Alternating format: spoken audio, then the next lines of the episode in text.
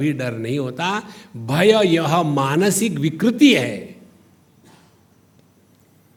जब गहरी नींद में हमारा मन पूरी तरह से लपेट करके हमने तकिया में लगा दिया है, उस समय मन सो गया है तो कोई डर नहीं है। ये समझ लेना कि भय यह मानसिक विकृति है, अभयम। फिर सत्व संशुद्धि ही, सत्व माने अंतकरण। समशुद्धि ही, अंतकरण की शुद्धि किसको कहते हैं? भगवान शंकराचार्य एक स्थान में लिखते हैं, शुद्ध अंतकरण वह है जिसमें तत्व जिज्ञासा प्रकट हो जाती है। जिस अंतकरण में तत्व जिज्ञासा प्रकट हो गई, वह अंतकरण शुद्ध है। देखो, एक उदाहरण दो। गुरु नानक देव जी महाराज के पास एक अम्मा, पंजाबी अम्मा अपनी लड़की को ले गई नमस्कार करने के लिए। और वो लड़की जवान थी, बहुत ही सुंदर थी। तो जब उनके पास गए नमस्कार करने के लिए, मत्था टेकते हैं पंजाबी लोग। मत्था टेकने के लिए गई और इस महात्मा जी ने देखा और उनकी समाधि लग गई। जब उनकी समाधि लग गई तो उस अम्मा को लग रहा था कि महात्मा होकर के मेरे लड़की की तरफ़ ऐसा देख रहे हैं। तो उन्होंने कहा, महाराज जी, आप ऐसा कैसे देख रहे हैं मेरे लड़की की तरफ़? फिर वो एकदम भान में आ गए। मैं तो ये सोच रहा था, ऐसे सौंदर्य को निर्माण करने वाला स्वयं कितना सुंदर होगा।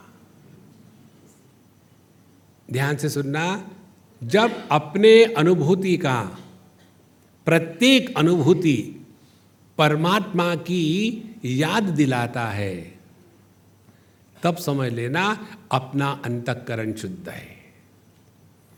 तुलसीदास जी महाराज,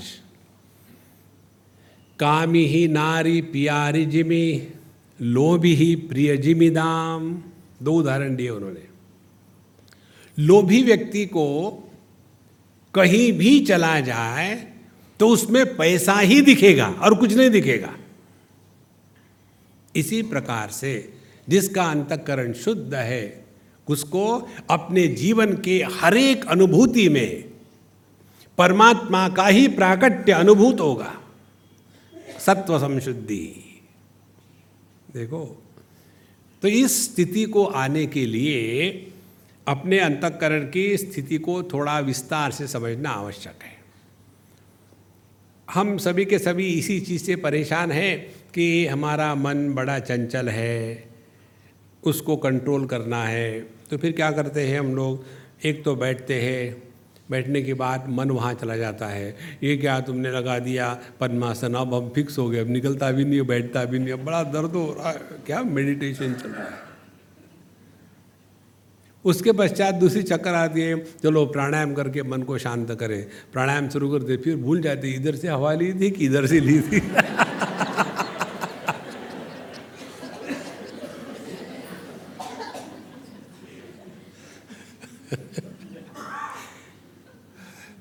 काहे की साधना हो रही भगवान जाने। इसी में फंसे रहते हैं, कुछ नहीं। देखो तो मन को नियंत्रण करने के लिए ये पहले जानना चाहिए कि अनियंत्रित मन माने क्या? देखो, जैसे कार को रोकना है।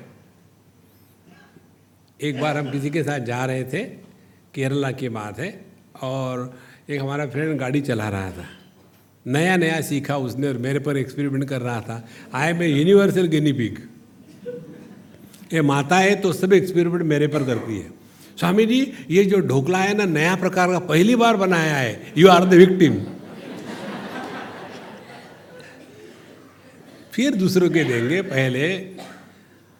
तो पहली बार चला रहा था गाड़ी और सामने कुछ आ गया भय से ऐसा कुछ तो आ गया। अब ये अंदर से गाड़ी में बैठा है, जो है, अरे हट अरे हट। हमने कहा, हॉर्न लगाओ ना। और वो पे भूल गया।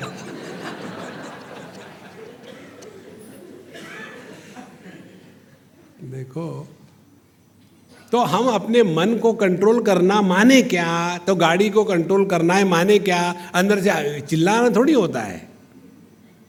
देखो, इसीलिए मन को कंट्रोल करने के लिए तीन बातें समझने आवश्यक है। एक तो हमारा मन देश में दौड़ता है, इस देश से उस देश में, उस देश से उस देश में। स्थानांतरण। कहीं भी गए, कुछ देखा तो हाँ हम वहाँ गए थे कन्याकुमारी। तो ऐसा सुंदर था। एक आदमी बताता है कन्याकुमारी की बात, दूसरा सुनेगा थोड़ा, ये तो कुछ भी नहीं, हम तो खाट मांडू गए थे और वहाँ खाट मांड रहे थे। दूसरा खाटमांडू की बात, ये तो कुछ भी नहीं, हम तो गए थे लहासा में और वहाँ लापसी पी रहे थे। देखो। माने मन हमारा स्थानांतरण से स्थानांतरण दौड़ता है। दूसरी बात, मन दौड़ता है काल में। इसको जरा सूक्ष्मता से ध्यान देना। यदि आप किसी को पूछो उसके बारे में, गलती मत करना। पूछो किसी उसके बारे में, भाई, अपने बारे में बताओ। आपको किसी बुढ़ाऊ को खुश करना हो ना तो मैं आपको एक मैं थमरुल बताता हूँ। उस बुढ़ाऊ को उसके जवानी के बारे में पूछो और सुनो मत।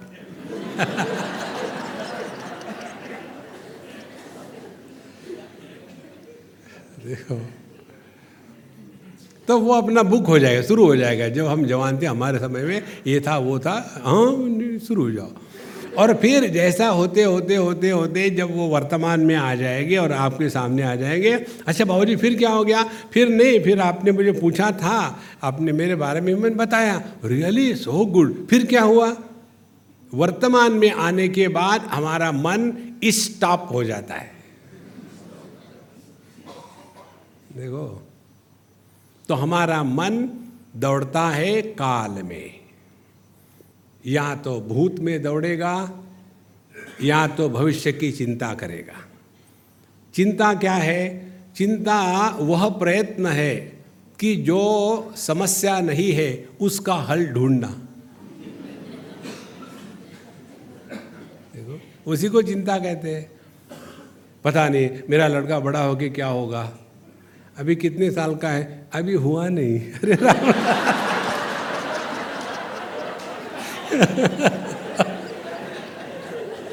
अभी होने तो दो। देखो तो हमारा मन दौड़ता है काल में। तो दूसरा पैरामीटर जहाँ हमारा मन दौड़ता है। अब तीसरा हमारा मन दौड़ता है वस्तु से लेकर के वस्तु में। देखो, एक माँ अपने बच्चे की बात बताती है कि मेरा बच्चा इतना इंटेलिजेंट है, स्वामी, बहुत प्रश्न पूछता है। तो मैंने उसको पूछा इंटेलिजेंट लोग प्रश्नों का उत्तर देते हैं कि प्रश्न पूछते हैं? फिर वो हाँ।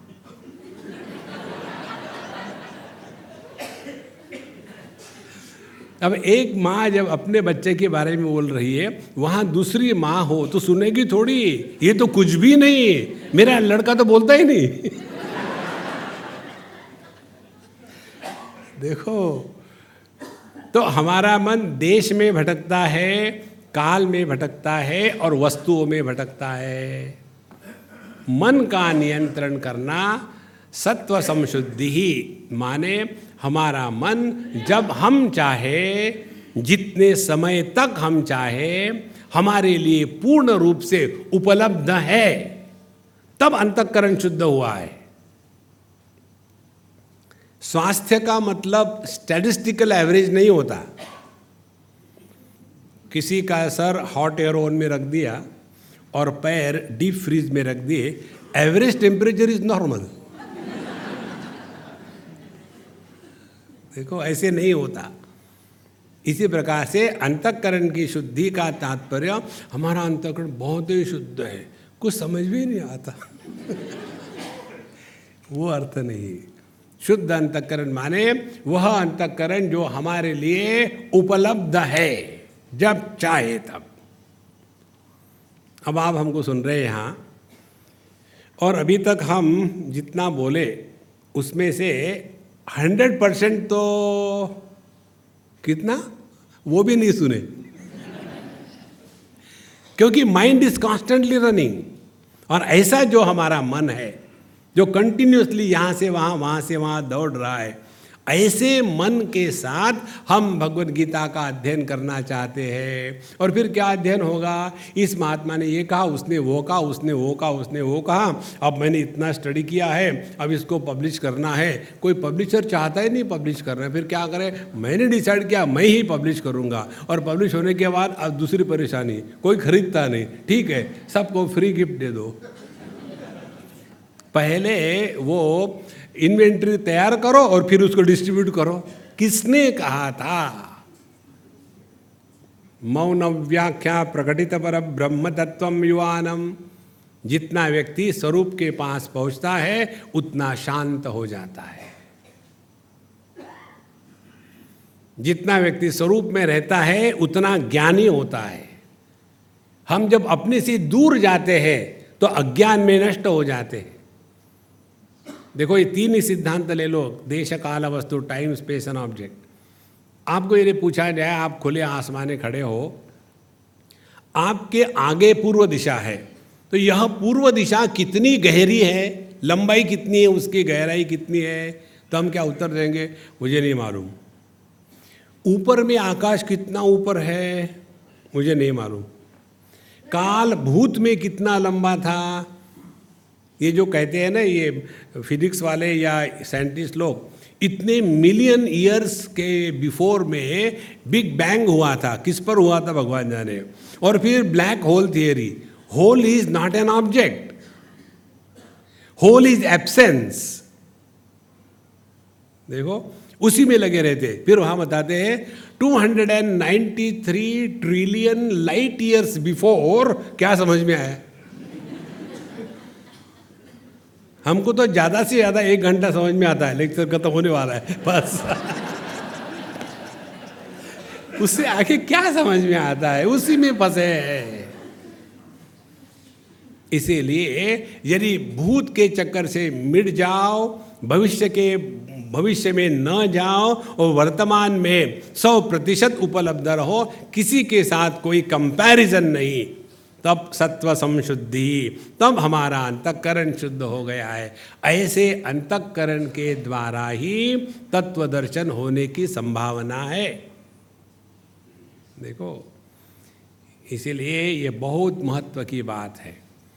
धातु प्रसादात महिमानमात्मन उपनिषद कहती है, धातु प्रसादात जब तक कि हमारा अंतकरण शुद्ध पवित्र नहीं होगा।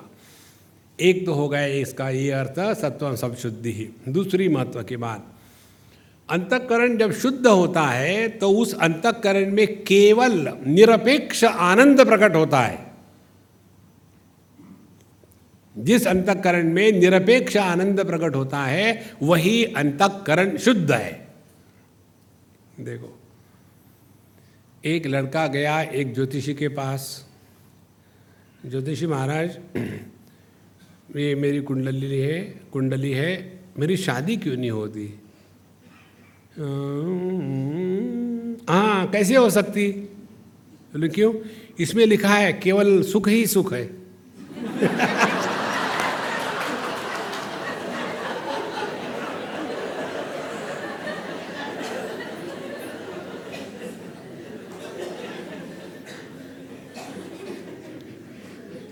इस समय आपका जो अंतकरण था, वो शुद्ध था। क्योंकि इस समय आप स्त्री नहीं थे, पुरुष नहीं थे, जवान नहीं थे, बूढ़े नहीं थे, पढ़े लिखे नहीं थे, ज़्यादा ही पढ़े लिखे नहीं थे। जिस अंतकरण में सौ प्रतिशत वर्तमान में रहने की क्षमता, सहज प्रयत्न न होती हुए भी होती है, उस अंतकरण को कहते शुद्ध अंतकरण। ऐसे अंतकरण से जीवन जियो तो देखो हर जगह परमात्मा नज़र आएगा।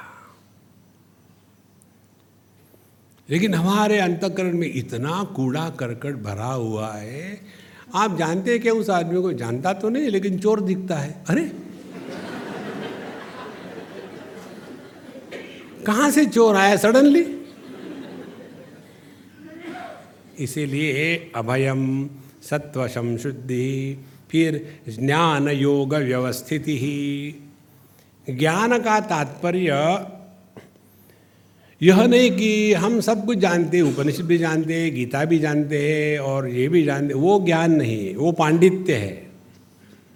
देखो, ज्ञान का तात्पर्य है, हमारी अंतकरण की वह क्षमता जिसके द्वारा हम तत्व को आत्म रूप से पहचान सकते हैं। देखो, एक उदाहरण ले लो, किसको ज्ञान कहते हैं? एक सज्जन का नाम समझो है पुरुषोत्तम। तो उसके पत्नी को पूछो कि पुरुषोत्तम को आप जानते हैं? हाँ पति है मेरा। तुच्छ भाव। पुरुषोत्तम शब्द का अर्थ तुच्छ। अच्छा फिर उसके पुत्र को पूछो आप पुरुषोत्तम को जानते हैं, हिटलर को कौन नहीं जानता? पुरुषोत्तम का अर्थ है हिटलर। आपको किसी भी डिक्शनरी में नहीं मिलेगा। फिर किसी वैयाकरण से पूछो, व्याकरण का जो एक्सपर्ट है, उसको पूछो। पुरुषोत्तम का अर्थ षष्टी तत्पुरुष समास। एकदम व्याकरण फोड़ फाड़ के रख दिया। स्वामीनारायण वालों को पूछो, अक्षर पुरुषोत्तम। देखो। और जिसका नाम पुरुषोत्तम है, उसको पूछो, पुरुषोत्तम, मैं हूँ ना? तो जब शब्द का अर्थ मैं के रूप में प्रकट होता है, तब हमको ज्ञान हो रहा है। नहीं तो गुरु महाराज ने कहा, देखो बेटा, तत्वमसी तुम परमात्मा हो। अच्छा क्या समझ में आया? गुरु महाराज, तुम परमात्मा हो भाई मेरे बाबा। ऐसा नहीं इसका अर्थ। देखो ज्ञान योग व्यवस्थिति ही जब हमारे ज्ञान में यह अंतर्मुखित्व प्रकट हो जाता है, तब पता चलता है कि हमारा मन या अंतकरण तत्व को स्वीकार करने के लिए तैयार हो रहा है। और इसीलिए पहले अपने अंतकरण को तैयार करना है। अभयम सत्व संशुद्धि ज्ञान योग व्यवस्थिति ही और ये ऐसे नहीं कि हमारा मूड जब लगता है तो, तो हम ठीक है जब मूड खराब होता है तो भयानक है नॉर्मली खराब ही रहता है। ऐसे नहीं। Mind must be at our disposal every time. देखो हमारे मन की स्थिति कैसी है? नहीं मुझे मालूम है मैंने बोलना नहीं चाहिए फिर भी बोल देती हूँ और फिर झगड़ा शुरू। अरे क्यों मालूम है कि बोलना नहीं चाहिए? क्यों बोल रहे हो? क्योंकि ब्रेक नहीं लगता।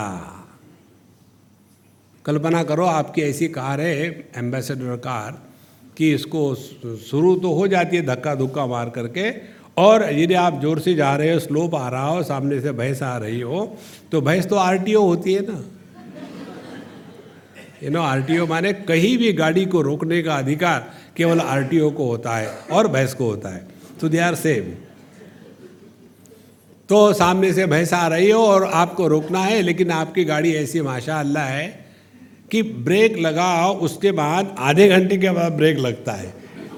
तो ठोक गए ना? इसी प्रकार से व्यवस्थिति ही हमारे मन पर हम जब चाहे, तब यह उपलब्ध होवे। जब चाहे शटअप माने शटअप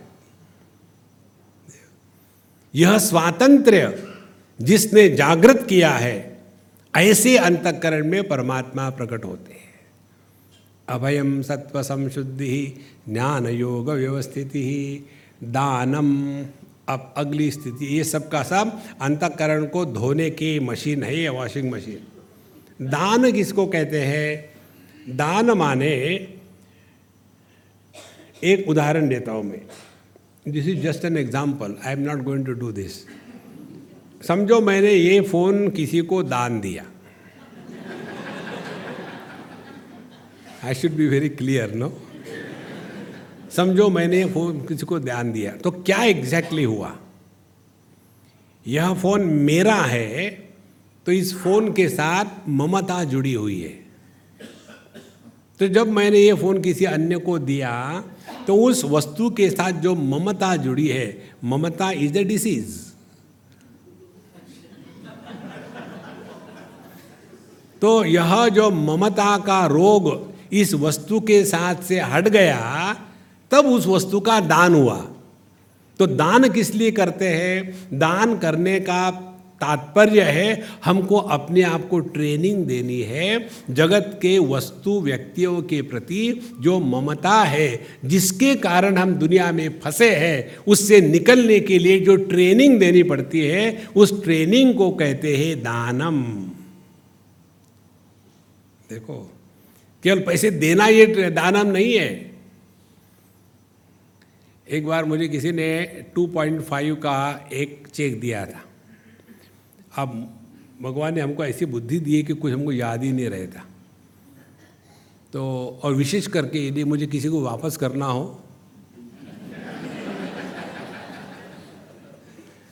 तो उन्होंने दिया, मैंने कहीं रख दिया होगा देना है फॉरगॉट अबाउट इट हाँ एक आठ दिन हो गए, महीना हो गया, दो हो गए छः महीने हो गए, साल हो गया। वो हमको फ़ोन भी करते, बात भी करते, हमने कभी उसके बारे में बात नहीं करी। एक दिन उनसे नहीं रहा गया।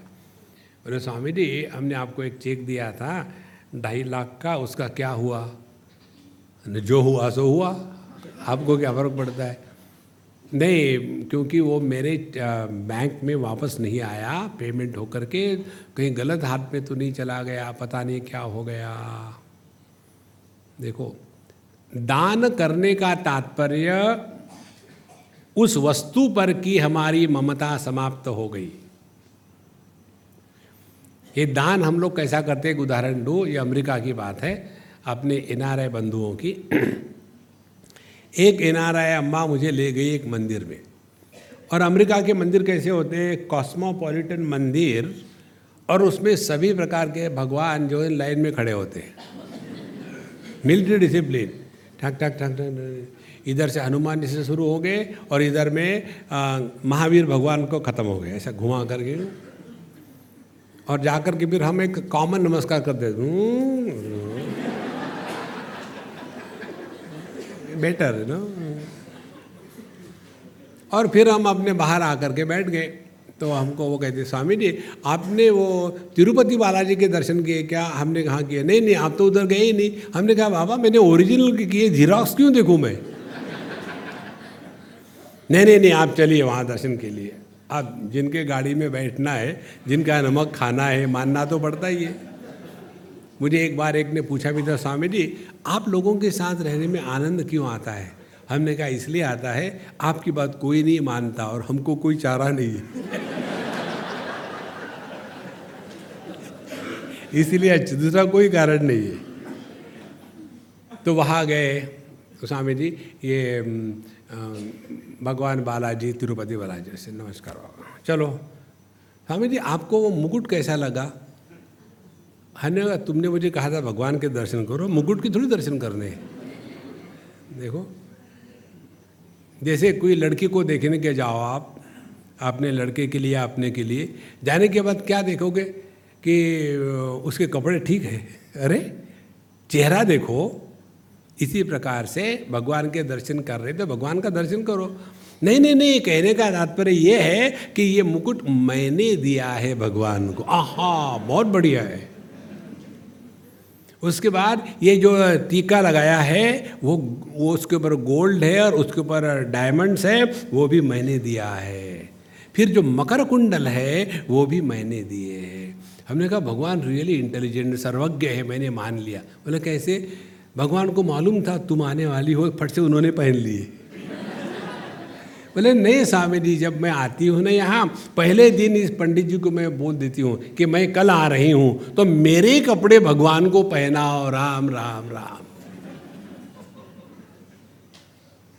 अब मुझे बताओ, ये दान हुआ क्या?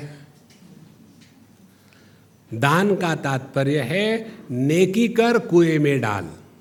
हमारे पंजाबी बंधु जो कहते हैं ना अच्छा करो और भूल जाओ। डोंट कीप ऑन काउंटिंग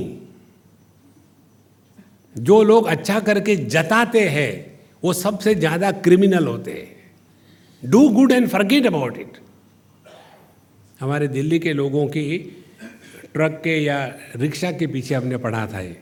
नेकी कर कोई में डाल नहीं, नेकी कर, जूते खा। मैंने खाए, तू भी खा।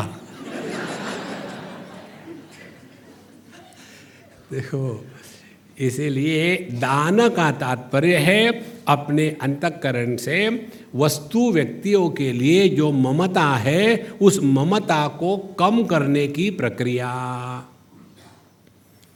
जब तक के अंतकरण से ममता का बोझा कम नहीं होगा, तब तक के देह से अहंता का प्रभाव समाप्त नहीं होगा।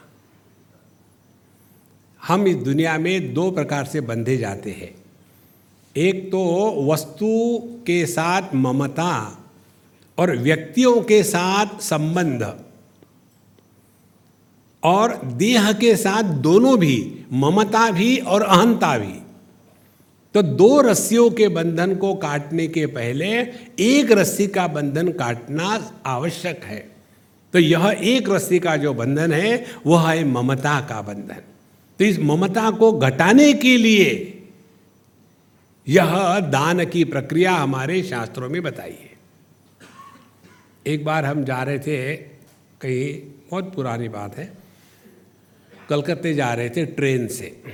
तो रात की जर्नी थी, फ़र्स्ट क्लास में जा रहे थे। उन दिनों में एसी वगैरह नहीं थे ट्रेनों में। तो एक सज्जन आए, सत्संग को आते थे, कभी हमसे बोले नहीं, कुछ नहीं कुछ नहीं। तो जब हम बैठे अपने सीट पर, वो आए धीरे से और उन्होंने दस हज़ार रुपये उन दिनों में पाँच सौ की नोटें नहीं होती थी, सौ सौ की नोटें। ऐसे दस हज़ार रुपये हमारे पास, हमने कहा, क्या टू जी कर रहे हो क्या? बोले, नहीं नहीं स्वामी जी, आप रख लो। नहीं मुझे ज़रूरत नहीं है, क्योंकि यहाँ मेरे पास टिकट है, वहाँ कोई मुझे लेने के लिए आएगा। I don't want money I don't have any project आपको नहीं चाहिए, ये मेरी आवश्यकता है कि मैं आपको दे रहा हूँ। यह जो भाव है दान का, यह महत्व का है। दान, महात्मा गांधी कहते थे, दान देने वाले से दान लेने वाला श्रेष्ठ होता है। और जब दान देते समय श्रेष्ठता की भावना अंतकरण में आती है तब तो वह दान धर्म हो जाता है।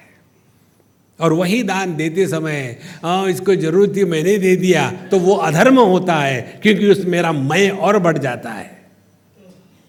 देखो ये एक एक जो शब्द है इस, इसमें इतनी सूक्ष्मता है जितना इस पर चिंतन करो आप उतना आपका अंतकरण शुद्ध होगा।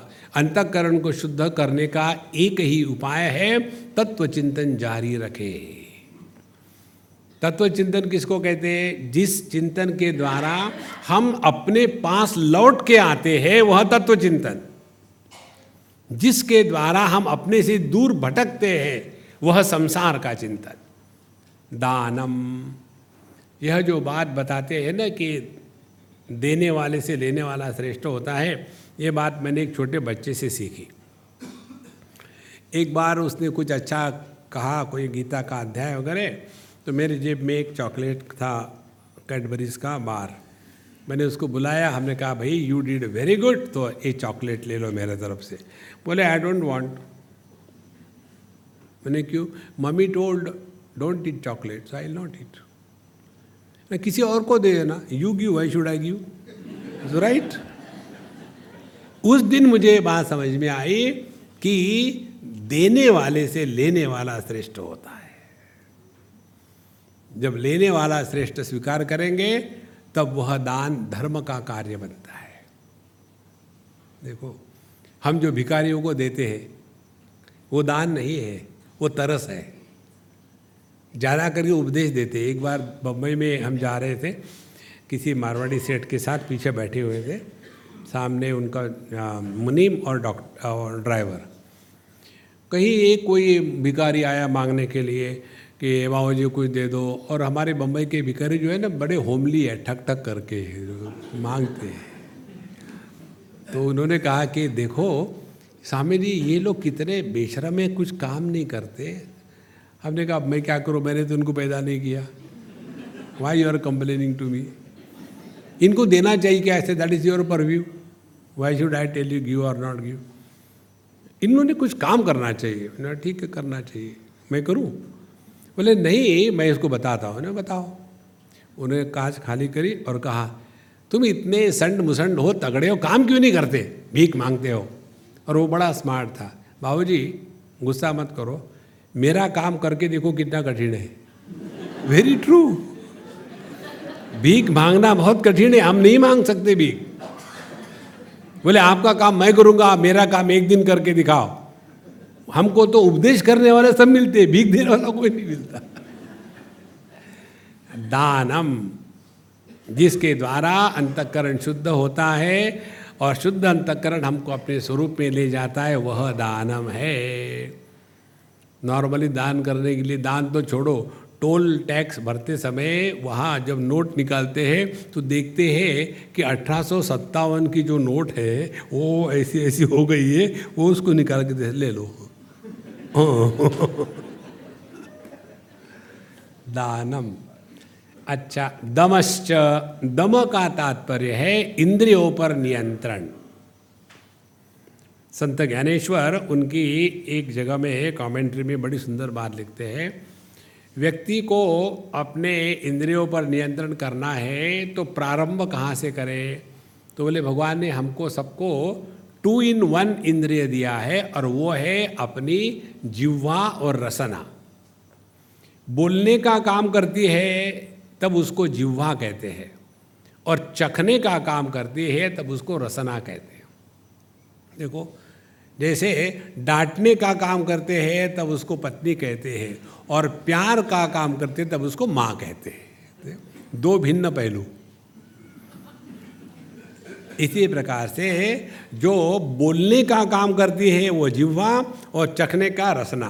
कहते हैं, इसका नियंत्रण करे तो बहुत फ़र्क पड़ता है। ये एक्सपेरिमेंट करो संतो। तब देखो आध्यात्मिक साधना माने क्या? एक दिन सडनली डिसाइड करो। एक महीने तक मिठाई बिल्कुल नहीं खाएँगे। कब से करो? कल से? नहीं, अभी से। और तब देखेंगे आप, उन्हीं दिनों में आपके जीवन में ऐसी ऐसी मिठाई आएगी।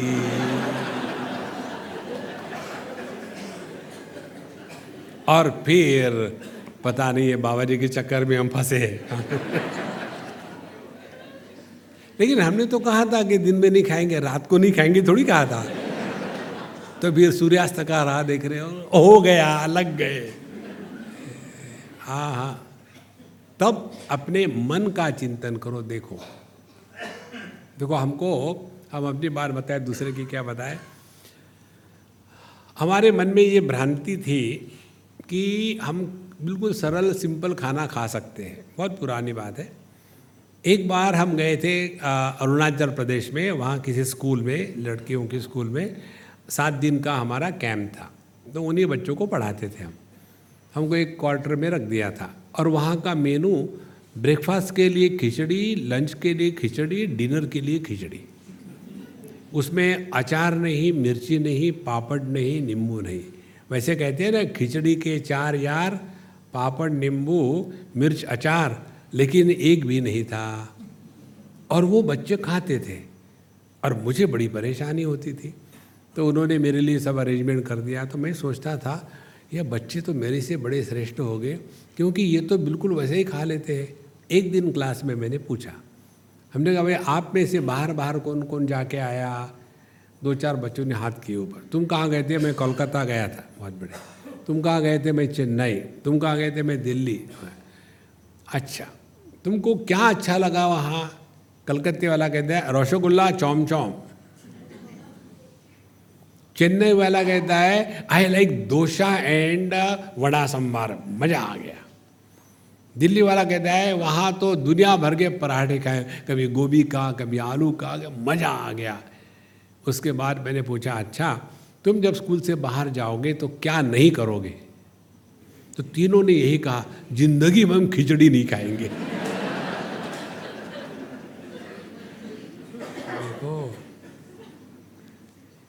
तो यह हमारी ऐसी भ्रांति होती है कि हम अमुक अमुक वस्तु के सिवा रह सकते हैं, लेकिन उसका एक्सपेरिमेंट करके देखो अपने आप पर। ट्राई करो। एक महीने के लिए चाय में बिना चीनी डाल के खाओ, चाय पियो। आपको कोई दूसरा उदाहरण नहीं मिलता क्या, स्वामी जी? आप भूल गए, आप गुजरात में हो। हम गुजराती लोग गुड़ के ऊपर में चीनी डाल के खाते हैं। और आप कह रहे हो कि चीनी मत खाओ, कैसे संभव है? कोई दूसरा उदाहरण दो देखो तब समझ में आता है कि हम कितना अपने इंद्रियों के गुलाम हैं। देखो, और जो आदमी इंद्रियों का गुलाम होता है ना, वो ही can be purchase by anybody थोड़ा सा खाने को दे दो, काम करवा दो देखो, उसी प्रकार से अपने जीवा का दूसरा फ़ंक्शन है बोलना। एक मुझे एस एम एस आया, मेरा पूरा का पूरा ज्ञान डायरेक्टली वैकुंठ से मुझे एस एम एस हैं उसमें आता है। उस ऐसे में बड़ी सुंदर बात लिखी थी, बोलना सीखने के लिए आदमी को तीन साल लगते हैं, लेकिन चुप होना सीखने के लिए पूरी ज़िंदगी पूरी नहीं है। बोले जा रहे बोले जा रहे बोले जा रहे बोले जा रहे इसीलिए दमश्च अपने इंद्रियों पर नियंत्रण होना अत्यंत आवश्यक है, क्योंकि डिज़ायर काम का वायरस पहले अटैक करता है इंद्रियों पर। इंद्रियों को जीत लेने के पश्चात यह काम का वायरस प्रवेश करता है मन के अंदर। मन को डिस्ट्रॉय करने के पश्चात यही काम का वायरस बुद्धि में प्रवेश करता है। यदि हमने पहले ही उसको रोक लिया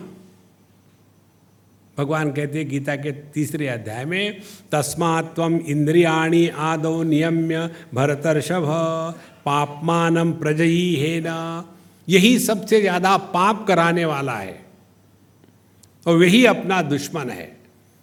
इसीलिए इस दुश्मन से अपने आप को बचाना है।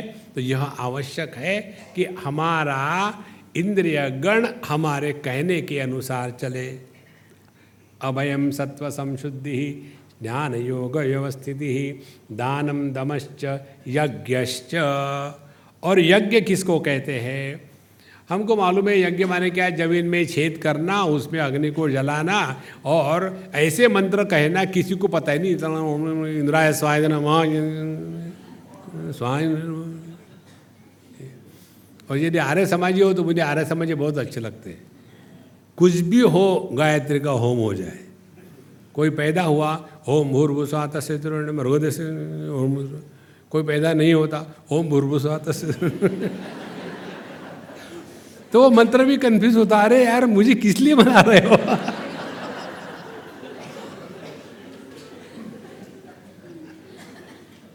हमको यज्ञ का अर्थ यही मालूम है। यज्ञ का तात्पर्य है आदान प्रदान का संतुलन। जितना हम कमाते हैं और योग्य प्रकार से टैक्स पे करें गवर्नमेंट को तो उसको यज्ञ कहते हैं। जीवन में आदान प्रदान का संतुलन होना अत्यंत आवश्यक है।